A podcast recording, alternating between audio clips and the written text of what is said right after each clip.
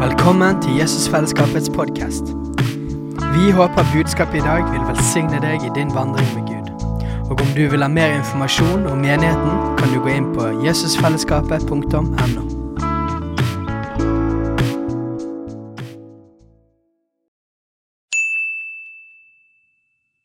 Hei!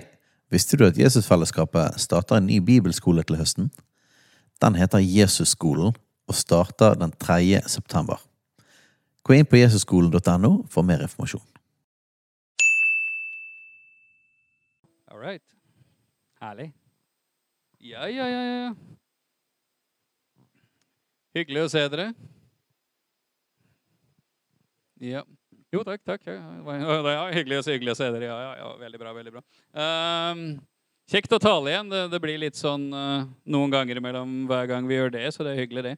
Uh, for de av dere som vil bli bekymra de neste to helgene fordi de kanskje lurer på om jeg ikke følger hebreerbrevet som sier you know, altså det ikke, ikke La oss ikke holde oss borte når menigheten samles. Så neste helg skal Ingebjørg og jeg til England. Eh, Da har Minor Street Rachel Hickson, vår kjære tilsynskvinne, sammen med sin mann Gordon det har 25-årsjubileum, så vi skal være med på det. Representere IEF på det. Kjente veldig når Gordon nevnte på det at det er noe med det å hedre vår mor og vår far. og være til stede på det. Så Ingebjørg er der neste helg. Helga etter det så er Steinar og jeg på Færøyene. sånn at altså, Det er gode grunner til at ikke dere ser meg da på noen uker. Forrige uke var jeg sjuk. Så, ja, ja. så da blir det én av fire ganger. da, liksom. Ikke la det bli en vane og et eksempel, dere. Vær så snill. Nei, men 2020 er spennende, dere. Er det ikke det? da? Ja, Nytt tiår, vet du. Det, det er ikke hver gang man opplever altså, Vi er jo, vi som sitter her det, Nå ble jeg litt filosofisk, men for, vi er jo de som opplevde tusenårsskiftet. tusenårsskifte. Det er ikke hver generasjon som opplever det. altså. Så, så jeg pleier jo noen ganger å si når jeg var ung, tilbake i forrige årtusen det liksom, Da høres det veldig sånn ut som jeg er gammel. altså, det må jeg, det må jeg si, men ja, ja. I fjor så fokuserte vi altså på, Er det noen som husker hva fokuset var i fjor? I IF? Å skape en landingsplass for Den hellige ånd gjennom bønn, lovsang og faste. Yes. I år så har mange kjent på, både her i menigheten og andre profetiske røster, både her og der, at 2020 og 2020-årene er en periode for gjennombrudd og vekkelse. Det, det er lov å si amen til det. Altså. Det, det, det, er spennende, det. Uh, men det betyr ikke at vi skal slutte å fokusere på det vi hadde som fokus i fjor. For vi tror jo det at skal det bli gjennombrudd og vekkelse, så må vi fortsette å skape en landingsplass for Den hellige ånd. For det er i grunnen ikke vi som produserer vekkelse. Da, liksom. og, og det at noen profetiske mennesker kjenner på at det kommer, betyr ikke at da kan vi bare sette oss ned og vente, og så kommer det, slipper Gud en bombe i huet på oss når det passer han. Det er litt for kalvinistisk for de som liker teologi. Hvis ikke så kan du bare ikke bry deg om det. Eh, eh, og så vil vi da fokusere spesielt på det som går på bønn og livet med Gud, mer sånn individuelt nå til å begynne med. Eh, vi lever i et veldig sånn individualistisk samfunn. Og det er meg og mitt og sånne ting. Men samtidig så er det, er det sånn at det vi gjør individuelt, det påvirker faktisk menigheten generelt. Jeg husker For mange år siden så hørte jeg en kar han var pastor i pinsemenigheten på Austevoll. Det kan jo godt være han er fortsatt en herlig fyr.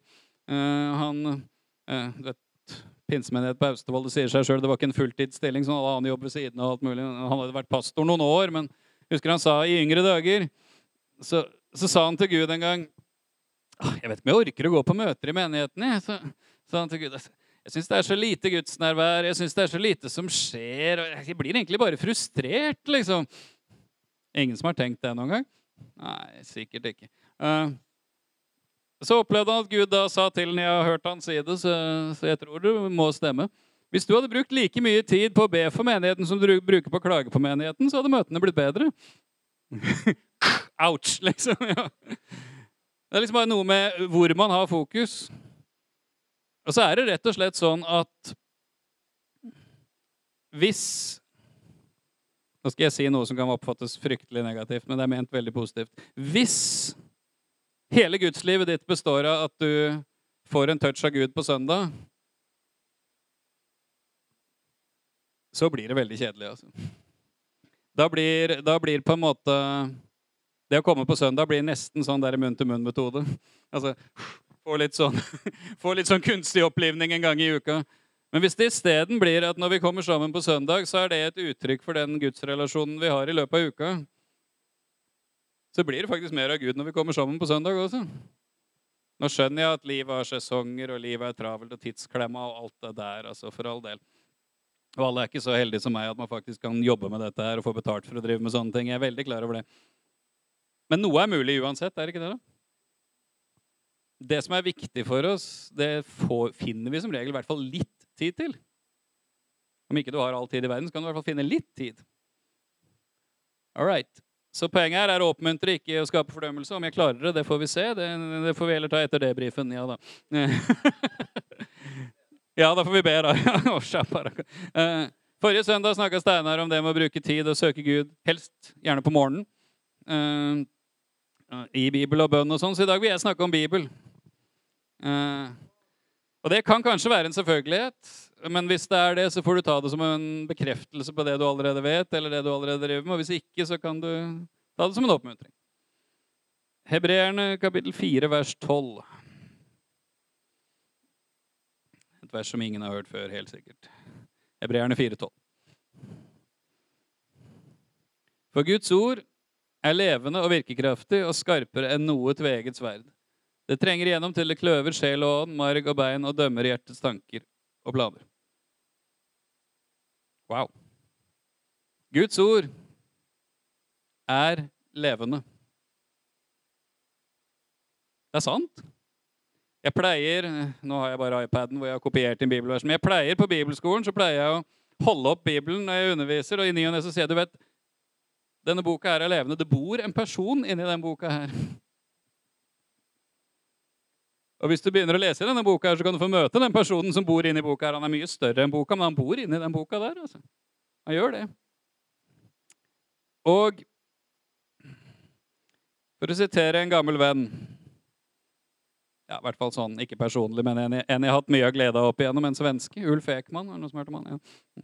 Det er mange som ikke liker han i dag, for det er hvor han er i dag. Men uh, på 90-tallet likte vi han veldig godt. Og på 2000-tallet òg. Så får vi, ja, ja. Noen gjorde det. Ja, og noen liker ikke de som likte han på 90-tallet osv. Men det er samme. Uh, men jeg var på et møte med Ulf Ekman i Terminus Hall her i byen i 1991. Og da sa Ulf Ekman noe. Han sa det at i årene som kommer, og vi må regne med at nå er vi i årene som kommer, etter, 19, vi er etter 1991, så kommer skillet i Guds folk kommer ikke til å gå mellom menigheter og kirkesamfunn. Men det kommer til å gå tvers igjennom alt sånt, og det kommer til å ha å gjøre med hvilket syn man har på ting. Og så sa han at det er særlig tre områder hvor skillet i Guds folk kommer til å gå. Det første er om Bibelen er Guds ord. Det andre er det som har med Den hellige ånd og åndens gjerning å gjøre. Og det tredje har med Israel å gjøre. Jeg skal holde meg til den første jeg er i dag, men jeg tror han har rett. Altså, Skillet i dag går ikke mellom altså, I gamle dager skulle man snakke om ja, de i det kirkesamfunnet de tenker det, de der tenker det. Nå er det nesten mer sånn du må nesten finne ut hva den enkelte menighet eller enkelte leder mener vet du, for å finne ut hva, hvordan forholde seg til ting. Men synet på Bibelen som Guds ord er altså en av de virkelige skillene. Og jeg må jo bare få lov å si det, da. Det å tro at Bibelen er Guds ord, det er faktisk ikke veldig populært i dagens Norge. Hvis ikke du tror på det, så bare Ja, dette er ikke en anbefaling.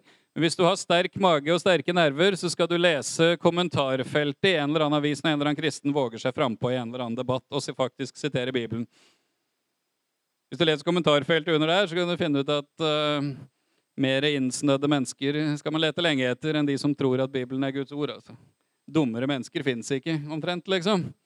Jeg mener ikke det, da, men hvis du ser på hva verden og media og mennesker i kommentarfeltene sier om sånne ting, så er ikke det veldig populært. altså. Men det er noe rart med det, da. Vi er vel ikke her først og fremst for å bli populære, er vi det? Sist jeg sjekka, så var vi her for å følge Jesus. Og ifølge både Bibelen sjøl og ifølge Jesus spesielt, så er Bibelen Guds ord. 2. Timotius kapittel 3, vers 16 og 17 har noen kanskje hørt før. I den nyeste utgaven så står det 'Hver bok i Skriften er innblåst av Gud'. I eldre utgaver står det 'hele Skriften'. Men altså hver bok eller hele Skriften det blir omtrent det samme. Hvis du legger sammen hver bok, så får du hele Skriften. Ja. Og nyttig til opplæring, til rettevisning, veiledning og oppdragelse i rettferd, så det mennesket som tilhører Gud, kan være fullt ut utrustet til all god gjerning. Alle bøkene i Skriften, alle bøkene i Bibelen er innblåst av Gud. Det er litt gammel ordgreie. Peker tilbake til skapelsen. Gud skapte mennesket og blåste livets ånde inn i det, og mennesket ble levende. På samme måten er Bibelen innblåst av Gud. altså Det har med Guds ånd å gjøre. Guds ånd gir liv til Bibelen. Og den er nyttig til opplæring, til rettevisning, veiledning, oppdragelse i rettferd, så det mennesket som tilhører Gud, kan være fullt ut utrustet til all god gjerning. Hvor mange har lyst til å være fullt ut utrustet til all god gjerning? Ja. Det er fint. I så fall så er Skriften nyttig til det. Det er fint. Og Jesus han sa altså noe så drastisk i Markus 13, 31 Jeg bør ikke slå opp alt jeg skal sitere, men at han, da sa faktisk Jesus himmel og jord skal forgå, men mine ord skal aldri forgå. Det sier noe om kraft og autoritet. Det vi ser rundt oss her ute, skal forsvinne. Men det Jesus har sagt, kommer aldri til å forsvinne. Wow. Og så sa Jesus noe som er ganske så drastisk. Enda mer drastisk enn det. Johannes 14, 23 og 24. Jesus svarte og sa til ham, om noen elsker meg, da holder han fast på mitt ord. Og min far skal elske ham, og vi skal komme til ham og ta bolig hos ham. Den som ikke elsker meg, holder ikke fast på mine ord. Det ord som dere hører, er ikke mitt, men Faderens, han som har sendt meg. Om noen elsker meg, så holder han fast på mine ord. Hmm. Det er jo litt sånn, da. Hvis jeg virkelig elsker Ingebjørg, men i stort sett ikke bryr meg om noe av det hun sier blir ikke så veldig kjærlighetsfull, den relasjonen. Altså. Hvis ikke Hvis det at jeg elsker kona mi, faktisk inneholder at jeg tar på alvor det hun sier også Hvis ikke det er sånn, så blir det en dårlig relasjon. Altså. Og motsatt. Da, men nå er jeg mann, så da snakker jeg om relasjonen til kona. Men det gjelder motsatt vei òg. Altså, flere damer i forhold til mannen. ikke sant? Ja, jo, ja. Altså, Vi liker at folk tar på alvor det vi sier, gjør vi ikke det? Ja. Har en dårlig nyhet. Det tror jeg Jesus gjør òg. At vi faktisk tar på alvor det han sier. At et av tegnene på at vi faktisk har en kjærlig relasjon til Jesus, er at vi holder fast på hans ord. Ikke jeg som fant på det, det var han som sa det. Og Jesus, og da gjelder det ikke bare akkurat de ordene Jesus har sagt. Bibelen kaller Jesus i Johannes 1.1 for Ordet. Jeg tror at Når Jesus snakker om å holde fast på mine ord, så snakker han om hele Bibelen. For han er Ordet. Han er Ordet som ble menneske. Han er Ordet som var i begynnelsen hos Gud, og som var Gud. Så Og der møter vi utfordringen, da, vet du. Fordi skal du holde fast på Guds ord, så må du faktisk lese Guds ord. Fordi det er faktisk viktig. Ganske enkelt fordi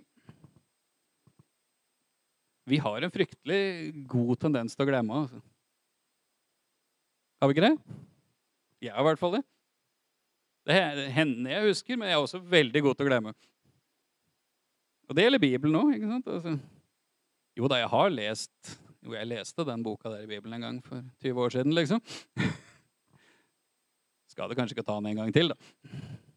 Også fordi det er noe fascinerende med at hvis dette faktisk er en levende bok, så er det jo sånn at Hvor mange av dere har opplevd at når du leser Bibelen Dette spør jeg bibelskoleelevene om som et eksempel på at Bibelen er levende.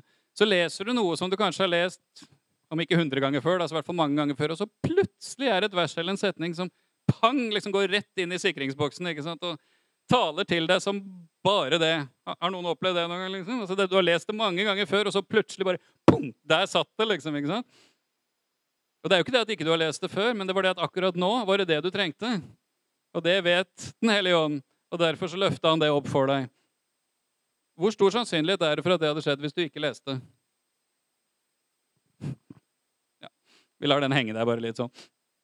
Men lesning det kan være kjedelig, det kan være slitsomt, det kan være tungvint. For det er jo ikke hver gang vi leser Bibelen at du opplever det. Da. Det er ikke sånn at alle vers bare hopper ut og treffer deg inn i hjertet og hjernen. og kortslutter sikringsboksen din. Noen ganger kan du lese ikke sant? og han var far til den, som var far til den, som var far til den, som var far til den, som var far til den, som var far til Oi, oi, oi, oi, skal vi se. Ja, og så videre. Noen har sikkert opplevd det òg, ikke det? Ja.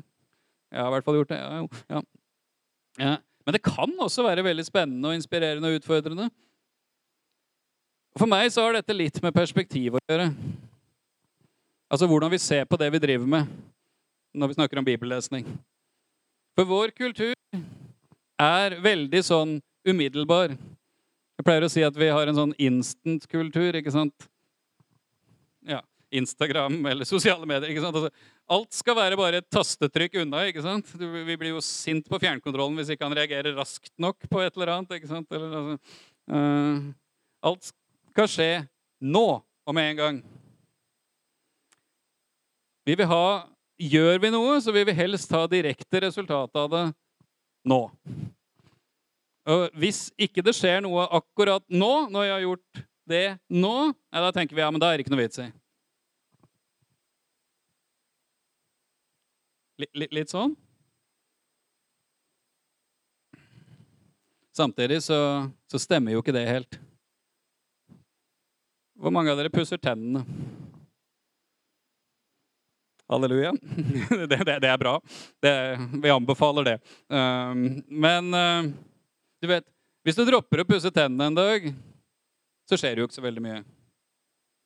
Ikke sikkert det skjer så veldig mye hvis du dropper en dag til heller. Kan det være noen begynner å reagere, sånn av de som kommer helt nærmest deg. Men hvis du dropper det over mange dager, så skjer det noe. Ikke sant? Du tenker ikke alltid over at liksom, ja, hvis ikke jeg pusser tennene, så kommer, det kommer til å skje noe forferdelig. Men jeg skal love deg at hvis du slutter å gjøre det sånn totalt, så vil det skje noe forferdelig med tennene. Ja. Det er ikke å anbefale, for å si det sånn. Eh, men du tenker jo ikke nødvendigvis det om kvelden når du liksom Ja, ja, kanskje jeg bare dropper det i kveld. Sant? Ja, det, det, går fint. Og det går greit det en gang iblant. Hvis du begynner å droppe det hele tida, så går det ikke greit. Og litt sånn med bibellesninga. Hvis, hvis, du begynner å droppe det hele tida, så er det ikke sikkert det går så greit. Fordi ifølge Jesus så skal vi ha et annet forhold til Bibelen enn bare det å vente på umiddelbare resultater. Den klassiske lignelsen som Jesus forteller, som faktisk er alle lignelsers mor, ifølge Jesus sjøl, eh, er den som står i både Matteus, Markus og Lukas. Men jeg holdt meg til Markus-versjonen. Jeg liker Markus. Kort og kjapt. sånn innvikla greier. liksom Bare pang, pang, pang, ferdig arbeid. Markus 4. Fra begynnelsen der. Der står det fritt etter min hukommelse, for jeg orka ikke å kopiere alle, alle de versene. At det samla seg en stor folkemengde, og Jesus satte seg ut i en båt, og så begynte han å undervise dem. Og så sa han at uh, himlenes rike kan, eller Guds rike kan sammenlignes med en mann som gikk ut for å så korn. Den har du hørt, sant? Ja. Og når han sår ut, da, så faller noe ved veien, og fuglene kommer og spiser opp. Noe faller på steingrunn. Spirer fort opp, men visner, for det har ikke rot. Noe faller blant torner. Og det vokser opp sammen med tornene, og tornene kveler det. Og noe faller i god jord og bærer rik frukt. Noe 30, noe 60, noe 100 fold. Og så går det en liten stund, og så sier disiplene Hva mente du egentlig nå? Hva er det du prøver å si? Fordi Jesus er jo så merkelig i måten han underviser på, at han, han forteller en helt dagligdags historie. Altså, Det der er jo ikke en dagligdags historie for oss. De fleste av oss er ikke oppvokst på gård. Og om det var det, så har man i hvert fall såmaskin i våre dager. ikke sant? Så Du har aldri sett en såmann gå rundt og så, du. Men disse gutta her ja, altså, Peter og Jakob og Johannes og sånn hadde jo sett dette her mange ganger. Det var jo bare å rusle rundt på landsbygda, det, så så du det både titt og ofte. Så Jesus forteller jo egentlig en historie om noe som har skjedd mengder av ganger. Men så veit de at det er Jesus, da. Så de skjønner jo det. Han må jo mene noe mer med dette her. Og det er der vi kommer til det at det er alle lignelsers mor, for da sier Jesus hvis dere ikke forstår denne lignelsen, hvordan skal dere da forstå alle de andre? Så Det tyder jo på at her, hvis vi får tak i noe her, så er det hjelpsomt for de fleste. Og så sier Jesus såmannen sår ordet. Altså Guds ord. Logos, står det. Guds ord. Og så står det da det som falt ved veien. Det er liksom da Du hører ordet, men djevelen kommer og stjeler det med en gang. Det får ingen effekt. De som havner på steingrunn, der, da holder ikke folk ut i forhold til det. Sånn at da med en gang noe blir vanskelig, så visner det. Det bærer ikke frukt. Det som faller blant torner, det er de som tar imot ordet, men så er det alle mulige ting som kveler dette her. da. Denne verdens bekymringer, lyst og alt mulig, og livet ellers, eller ja, sånne ting. Kveler dette her. Men så har du også de som tar imot ordet og tar vare på det i et godt hjerte. Da bærer det frukt. Mye frukt. Og Jeg har hørt mange forskjellige taler om denne uh, lignelsen. her, så, Såpass mange at det er sikkert mange av dere som tenkte å nei, åh, skal vi snakke om den igjen? Men De fleste talene jeg har hørt om denne lignelsen, her, handler enten om at ja, vi må være gode til å så, vi må passe på at vi sår i gode hjerter. altså så får En sånn evangelisttale. ikke sant? Altså, du må så hos de som er åpne for det. Eller sånne ting. Eller så får du den der talen fy, fy, pass deg så ikke du er som de som er ved veien. eller altså, må ikke være steingrunn, og det må ikke være torner. Og, ikke sant? Men ingen av de er jo poenget i historien. Poenget med historien er jo sluttresultatet. At hvis noe faktisk blir sådd i god jord, så bærer det vanvittig frukt. Jeg mener, hvis vi hadde hatt en eller annen investeringsmulighet som gjorde at for hver krone du satte inn, så hadde du fått 30, 60 eller 100 ganger igjen, da hadde du brukt alle penga dine på det. altså. Det er ganske mye bedre enn høyrentekonto i en eller annen sparebank i våre dager. altså. Det er ikke snakk om noen prosent, det er snakk om ganger. ikke sant? Og Poenget i dette her er altså at hvis vi tar imot Guds ord på rett måte, så har det en enorm spirekraft som vil bære skikkelig med frukt. Det er det han sier. Såmannen sår ordet. Det vil si, når du leser Bibelen, så leser du noe som har en kraft i seg som kan multipliseres 30, 60 og 100 ganger i livet ditt. Og det må du tenke når du leser Bibelen. Da er det faktisk en investering for livet å lese Bibelen.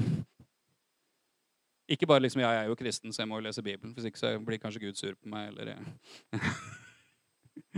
Gud elsker deg 100 Om du så aldri åpna Bibelen din igjen. Men det kan være du får mer ut av kristenlivet ved at du faktisk tar til deg av Hans ord. Men her ligger også da utfordringen, sant? fordi ingen av, Jeg tror de fleste av oss ikke er bønder. Selv om Ja. Selv om Sindre og Ragnhild skal jo bli det etter hvert, hvis noen av de fortsatt er her inne. og sånn. Ja, Sindre, ja, ja. Ikke sant? Altså. Men jeg husker på barneskolen så klipte vi av melkekartonger, og så putta vi jord oppi, og så sådde vi et eller annet oppi der. Hvor mange var med på noe sånt på barneskolen? Det er sånn klassisk norsk. liksom sånn i hvert fall hvis du er over en viss alder. Hva var det vi sådde av blomkarse eller et eller annet sånt, eller noe sånne greier, og så smakte helt pyton, men som frøken tvang oss til å spise og sånn. Ja, ja. Men det jeg også husker med det, er jo det at vi sådde, da, og så vanna vi i ny og ne. Men vi, vi forventa jo ikke at den dagen du sådde, så kom resultatet. Det tok flere dager, og så plutselig kom det en liten tust, vet du. Og så fortsatte vi, og så gikk det flere dager, og så ble det litt lenger, og så ble det litt lenger, og så plutselig var det en liten plante der, vet du. Og her ligger utfordringen i det at vi er så umiddelbare. Vi vil ha resultat med en gang. Mens Jesus snakker om at hvis ordet blir sådd i oss, så tar det tid. Og så vokser det fram noe som er mye mer enn det vi faktisk tok inn. Uten at vi vet hvordan det foregår. Når vi går lenger ned i Markus 4, så har Jesus en greie med å ikke sette lyset under en skjeppe og litt sånn forskjellig. og um, den som har ører og hører Og sånn. Og så kommer han til en historie om en bonde fra vers 26. Og han har fortsatt på samme tråden. altså Han har ikke begynt på en ny historie. Han sa med Guds rike er det som når en mann kaster såkorn i jorden. Det ligner jo på såmannen. ikke sant? Han, kaster såkorn i jorden. han sover og står opp natt og dag, og kornet spirer og vokser så høyt. Hvordan det går til, vet han ikke. Av seg selv bærer jorden grøde. Først strå, så aks og fullmoden korn i akset. Men når grøden er moden, sender han straks ut sigden, for høsten har kommet. Egentlig så høres det jo litt interessant ut for meg. Altså, Å være bonde vil si at du holder på med noe du ikke har peiling på. Ikke sant? Hvordan det går til, det vet han ikke. Han vet bare at hvis han gjør sånn, så får han det resultatet, og da kan han høste etter hvert. Ikke sant? Og det er litt sånn med den prosessen som Guds ord gjør i oss. Hvis vi gjør vår del, hvis vi sår rikelig med Guds ord inn i oss, så vil det slå rot, det vil spire, det vil vokse, og det vil bære frukt. Selv om vi ikke har peiling på hva som foregår. Vi vil så veldig gjerne ha peiling, vet du. Og vi vil så veldig gjerne ha umiddelbare resultater, men det kan ta litt tid. Så da må vi altså lese, og så må vi faktisk da tro at vi tar imot noe som er levende og virkekraftig og har spirekraft i seg. Og så bare la det få lov å holde på. Og så vil resultatet komme. Ikke med en gang, men det vil komme før eller seinere. Så får det være opp til Gud når resultatet kommer. Alf Kåre. Nå skal vi få et lite vitnesbyrd fra Alf Kåre på akkurat det her. Ja. De fleste her inne har hørt om at eh, Guds ord er mat. Det er noe vi spiser. Og eh, spiser vi eh, mye mat, så blir vi feit. Og som regel så er det litt negativt å spise for mye mat. Men akkurat her så er det bare å ha en fest kontinuerlig. Bare dundre på. I mange år så har jeg, jeg har lest Bibelen i mange år. Nå har jeg hatt gode tider med det og tørre tider med det. Sånn som jeg tror alle kan oppleve. Det har vært tider hvor jeg har opplevd det fantastisk, og tider hvor jeg har vært veldig kjedelig. Um, og i, i, den sesongen jeg er i livet mitt akkurat nå, så uh, Som Steinar snakket forrige, forrige søndag om uh, bruk time Gud på morgenen. Og, og det, det, støtter jeg 100 Men det er litt vanskelig å få fantastisk sånn eh, deilig time Gud om morgenen når ungene som regel er oppe sånn før halv seks. For, liksom, jeg er ikke så heldig også, at jeg gidder å stå veldig mye før det. Da tenker jeg at da får Gud heller bare vente. Får, da får jeg vente til kvelden. Jeg er ikke mer heldig enn det. Kanskje noen av dere er så heldige at dere står opp da. Gud velsigne dere. Da kan dere gjerne komme og be for meg etterpå. Så det, da må jeg finne andre måter, og det, det, det går bra. Men eh, livet ser litt annerledes ut nå enn før, når jeg eh, hadde mye mer tid, og fikk mye mer tid da i Guds ord. Men det som er så fantastisk å merke i dag, er at på en måte så har Guds ord aldri vært så levende for meg som i dag. For jeg merker så tydelig hvordan jeg i dag lever på alt det jeg har spist gjennom mange, mange, mange år. Eh, I historien om eh, Josef og farao så var det det med at eh, de skulle få sju gode år. Så de skulle lagre opp med korn, og så kom det for å være klar for sju magre år. Og Det er ikke en profeti for livet vårt at vi må få liksom magre år. det er ikke det som er poenget. Men når vi er trofast, og vi spiser, og vi fyller på, fyller på med Guds ord Enten vi føler noe eller ikke føler noe, så fyller vi opp lagrene våre. Det kornlageret fylles opp, og en kan trekke ut av det når det er sesonger som er litt mer mager. Og det har vært, Jeg har jo alltid opplevd liksom gode ting med Guds ord, men det har aldri opplevd sånn som det oppleves akkurat nå. Når det er litt mer intenst enn det har vært før.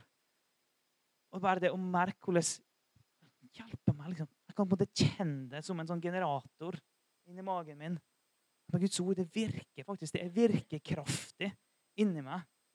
Og det er, ikke, det er ikke nødvendigvis det jeg la oss i går, men det er det jeg la oss for fem år siden.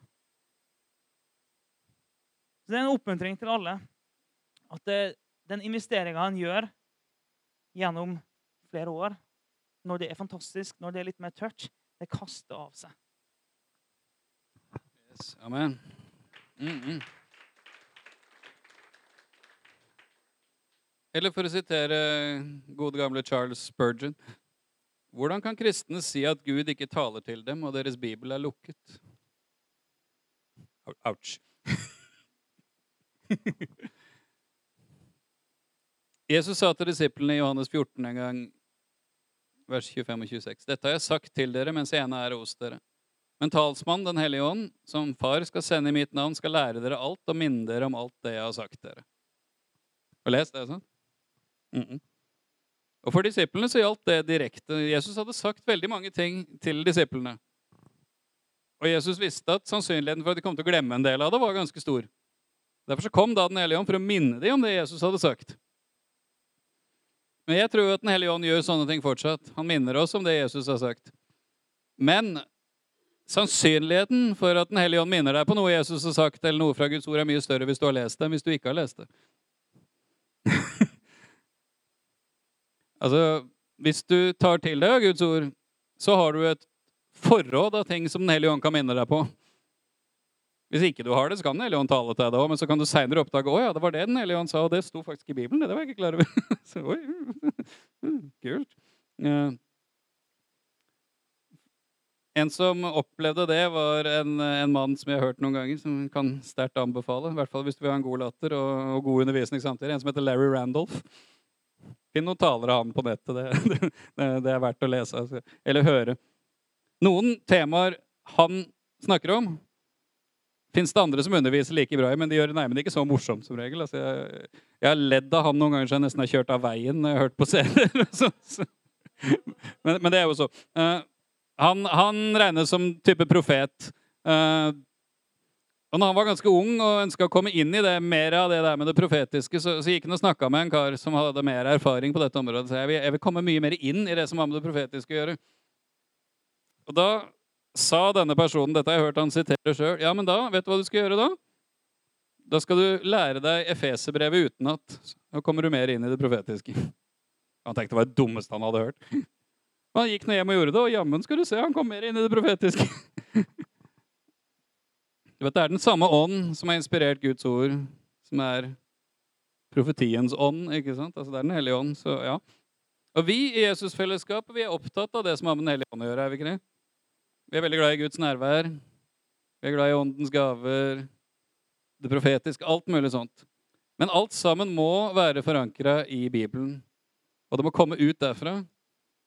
Så ikke skal vi bli styrt av følelser og opplevelser eller mangel på følelser og opplevelser på en sånn måte at vi velsigner ting som Gud ikke er for, og, og sier nei til ting som Gud er for. For vi må vite hva det står i Bibelen. Eller som Jesus sa Det står skrevet 'Mennesket lever ikke av brød alene, men av hvert ord som kommer fra Guds munn'. Hvem sa Jesus det til? Mm. Til djevelen. Og Det er også en fin ting. Jeg tenkte på den historien, det har du helt sikkert hørt, sikkert hørt 100 ganger. Men når Jesus blir frista av djevelen, hva svarer Jesus djevelen med hver, hver gang? Det står skrevet. Mm, han svarer djevelen med ikke sine egne følelser, ikke sine egne gode ideer. Han, han svarer djevelen med det som står skrevet. Hvorfor det? Fordi det har større autoritet enn det meste annet. Ordene som noen sier, autoriteten til de ordene har ikke først og fremst å gjøre med hva som blir sagt, men hvem som sier det. For eksempel når du var barn. Hvis en eller annen fremmed voksen hadde sagt til meg 'Fredrik, kom hit', så hadde jeg jo kanskje tenkt er det for en fyr? Hva i alle dager vil han med meg? Men hvis min egen far hadde sagt det, så Ja, ja, jo, ja. Ikke sant? Altså, han hadde en autoritet i mitt liv, sant? Hvis jeg hadde sagt til deg Du har en eh, Det er opprettet en bankkonto i ditt navn med 10 millioner kroner på. Da hadde du ledd av meg, ikke sant? Jeg har ikke 10 millioner kroner. ikke sant? Altså. Men hvis Kjell Inge Røkke hadde sagt det til deg da hadde du kanskje tenkt deg litt mer om Altså, Ordene som blir sagt, er ikke poenget. Poenget er autoriteten til den som står bak ordene som blir sagt. Og Derfor så er Guds ord så mye mer enn noe annet. Fordi autoriteten til han som har sagt det, er så mye større. Gud skapte verden. Det hadde vi om på bibelskolen nå i uka. Skapelsen. Ikke sant? Hvordan skapte Gud verden? Han sa. Guds ord. Levende virkekraftig. Det har autoritet langt utover alle mulige andre ord. Og kosthold er viktig. Mennesker lever ikke av brød alene. Nei, i våre dager gjør vi jo ikke det i disse anti... Et eller annet uh, gluten, vegansk, whatever. Uh, vegetarianske tider. Så mennesker lever ikke av brød, kunne vi sagt i våre dager. Vi lever av erstatninger og tralala. Men ja. Men, uh, men, hele poenget er at det er snakk om mat, ikke sant? Og vi lever ikke bare av fysisk mat, men av hvert ord som går ut fra Guds munn. Kosthold er viktig, og det gjelder også for kristne, at vi skal ta til oss av Guds ord. At vi skal spise av Guds ord. Vi spiser mat. altså Hvor mange av dere spiser mat også når dere egentlig ikke føler for det? Ja. Noen av oss spiser litt mye mat når vi ikke føler for det, men altså, ikke sant? Altså, ja. Men hvor mange av dere vet det at altså, Jeg er gift med verdens herligste kone. Det, det, det er 100 sikkert. Jeg er ikke sikker hun er det for alle andre, men i hvert fall for meg, og det holder. Uh, men øh, hvis det går litt for lenge uten at min kjære, elskelige, skjønne kone får i seg nok mat, så er det ikke sikkert hun heller er like elskelig og skjønn og herlig som det dere kjenner henne som bestandig. Ikke sant, Ingebjørg? Ja, samme gjelder for meg, altså, for all del. Vi blir litt sånn grinete og ampre hvis vi ikke får i oss nok mat uh, i løpet av en dag. Nå snakker jeg ikke om faste og sånne ting, nå snakker jeg om vanlige dager. ikke sant? Og Sånn er det i forhold til Guds ord òg. Det må ta til seg næring for vårt åndelige liv.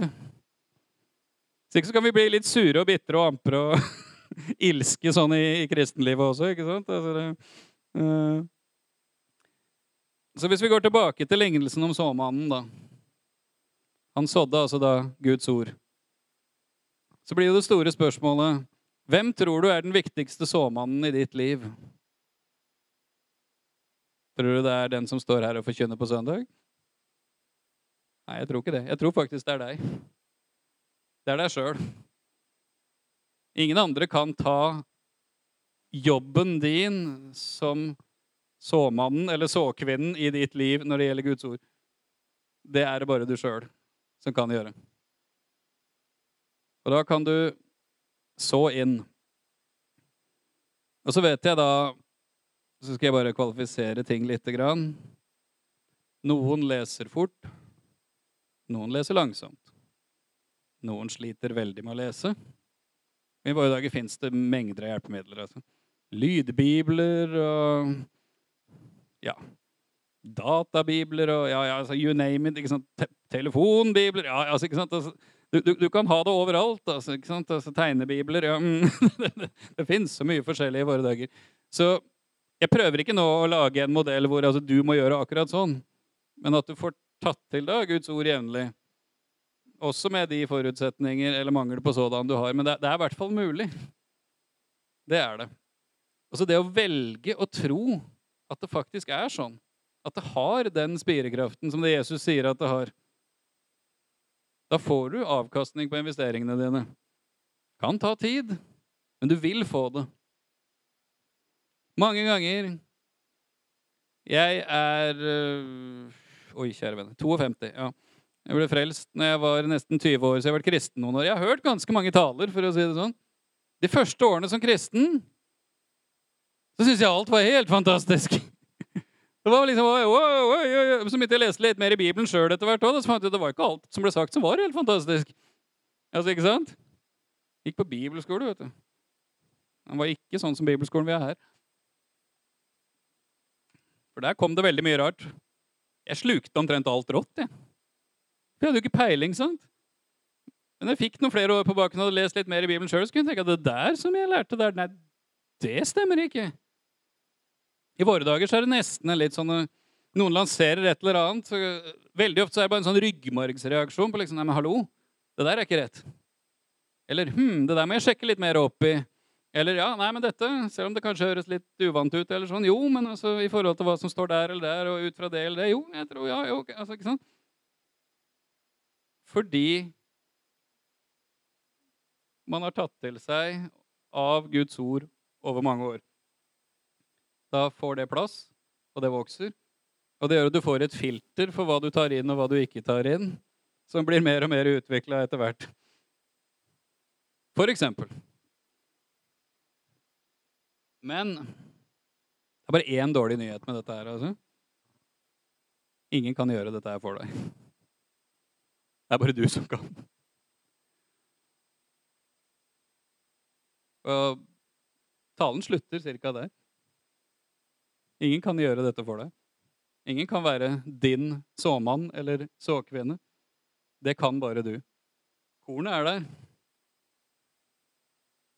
66 bøker fordelt på Det gamle og Det nye testamentet. Jeg husker ikke hvor mange sider, men såkornet er der. Jordsmonnet er der. Og du skal ikke lure på om du har et godt hjerte som Jesus kan så i. Hvis du har tatt imot Jesus, så har du et godt hjerte. Du er født på ny, du har fått Guds ånd. Du har et godt hjerte. Så alt er til stede for at noe kan sås, og det kan vokse, og det kan bære rik frukt. Men ingen kan gjøre det, verken for meg eller for deg. Men gjør vi det, så kan det bli veldig bra. Amen.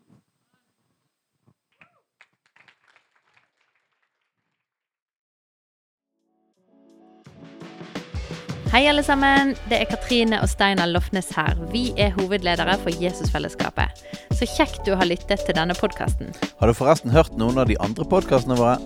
Ukens tale, Disippelskolen, Hyrdepodden, Kulturkrigen og Mammas hjerte. Du finner disse podkastene på Spotify, Apple Podkaster og på nettsiden vår jesusfellesskapet.no.